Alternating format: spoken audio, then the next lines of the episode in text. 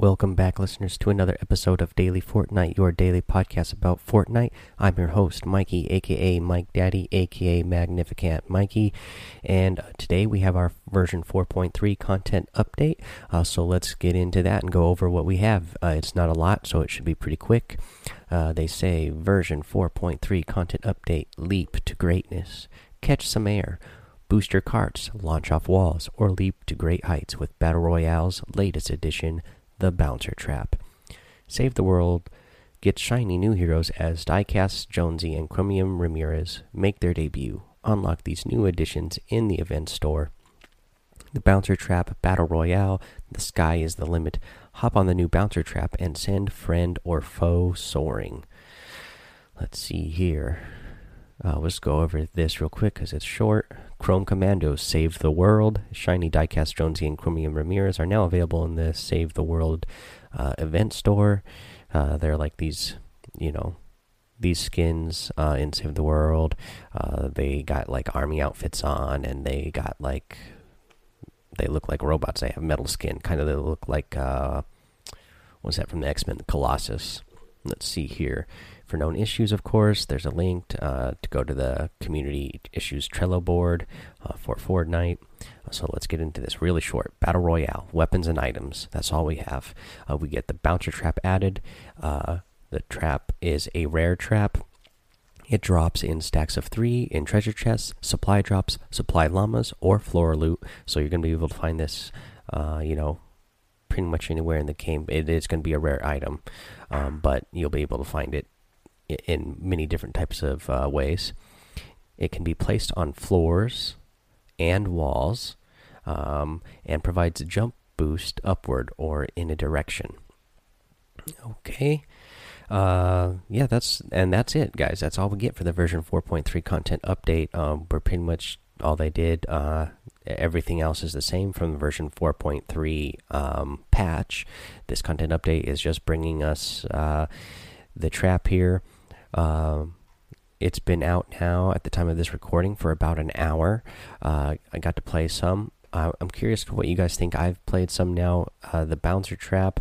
Uh, you know, I'm not quite as impressed as I thought I would be. It bounces you high up in the air, uh, but not as high as I was thinking it was going to be. It's still really cool that uh, you take no floor damage. so I mean, no fall damage. So that'll be really good in type of situations again where you're really high up and uh, you know you use that bounce uh, bounce pad and you know or bounce trap pad and you know you can take no damage off of them again off of a mountain or if you buy if you build like a sky fort, uh, you know you and you get yourself in a bad situation up there. You need to get the storm's closing in and it's not where you are, you can bounce yourself down and get down quickly without taking damage. Um, so I guess that will be neat. That'll be one option for you. Again, you know, I don't know how much that adds to the game because we already had the jetpack before. You could use the jetpack and you know, you use that to right before you hit the ground so that you wouldn't take uh, fall damage. Or of course, if you just had the regular uh, bounce pad, then you could use that and glide across, not taking damage. But I guess this will be, you know, if you don't have one of those, this is just one more item that you can use to uh, bounce down somewhere and not take the fall damage. Um, again, but you can also build this on walls. I haven't done this myself. You can build it on a wall, and um, you know, um, send yourself in a certain direction if you need to get in a certain direction a little bit, a little bit faster. Again, this thing doesn't bounce you as higher as far as I thought it would. Uh, so I don't know how. I mean, it could be helpful if you need to get somewhere just a little bit quicker, I suppose. Uh, you know, and I just now thought about it. I haven't done this yet or seen this done, but I guess you could if you were, uh, you know, hanging out on, say, around the edge of a mountain. You, you know, you build up ramps towards around the edge of a mountain, or even if you're just building a big base, you could uh, put that bouncer trap on a wall and if the, if you have somebody pursuing you and you're high up high up enough you might be able to get elimination with it you know uh, when when another person runs by it maybe it would hit them and they would send them off the mountain or out of your sky fort and send them plummeting to their death. So maybe that's another application I just now thought about. Again, I haven't done that myself, but um, yeah, it's something to think about. Maybe maybe I'll try to do something like that later today in my stream. Speaking of, um, I'm going to get on right now and stream actually for a little bit before I head out to work, and then later tonight I'll probably be on um, sometime between 10 p.m. and 11 p.m. I'll be getting on uh, on the stream on my Twitch, so make sure you go follow me there. That's Mike Daddy, M M M I K E D A D D Y. Uh, so yeah, follow me over there. And I actually still haven't gotten my um, raise the disco ball dance done from last week's challenge, uh, so I still need to get that done. So. Uh, you know, I'll probably be on there playing some solos for a little bit. Uh, I've already talked to uh, Novocaine that uh, you know I'll probably play with him some as well, which I'd get some stuff going. But if there's other people out there, uh, you know, who are listening to the podcast or watching the stream that want to join in, that would be great. Maybe we could squad up, uh, help me get that uh, disco ball uh, raised up for me, so I can get that challenge done and out of the way. Uh, yeah, so you know, again, sometime between 10 p.m. and 11 p.m. Again, that's Pacific time for where I, for where I am. you know, if you're on around that time uh, yeah, just let me know and I'll try to uh, play a game with you. Also, uh, you know, if you want to know exactly what time I'll be on, make sure you go follow me on Twitch so that you get a notification saying that I went live, uh, so that you'll know that I'm playing the game. Um, what else? Make sure you go follow me on Twitter. Um, make sure you're leaving those five star reviews and written reviews so I can uh, read them out here on the show.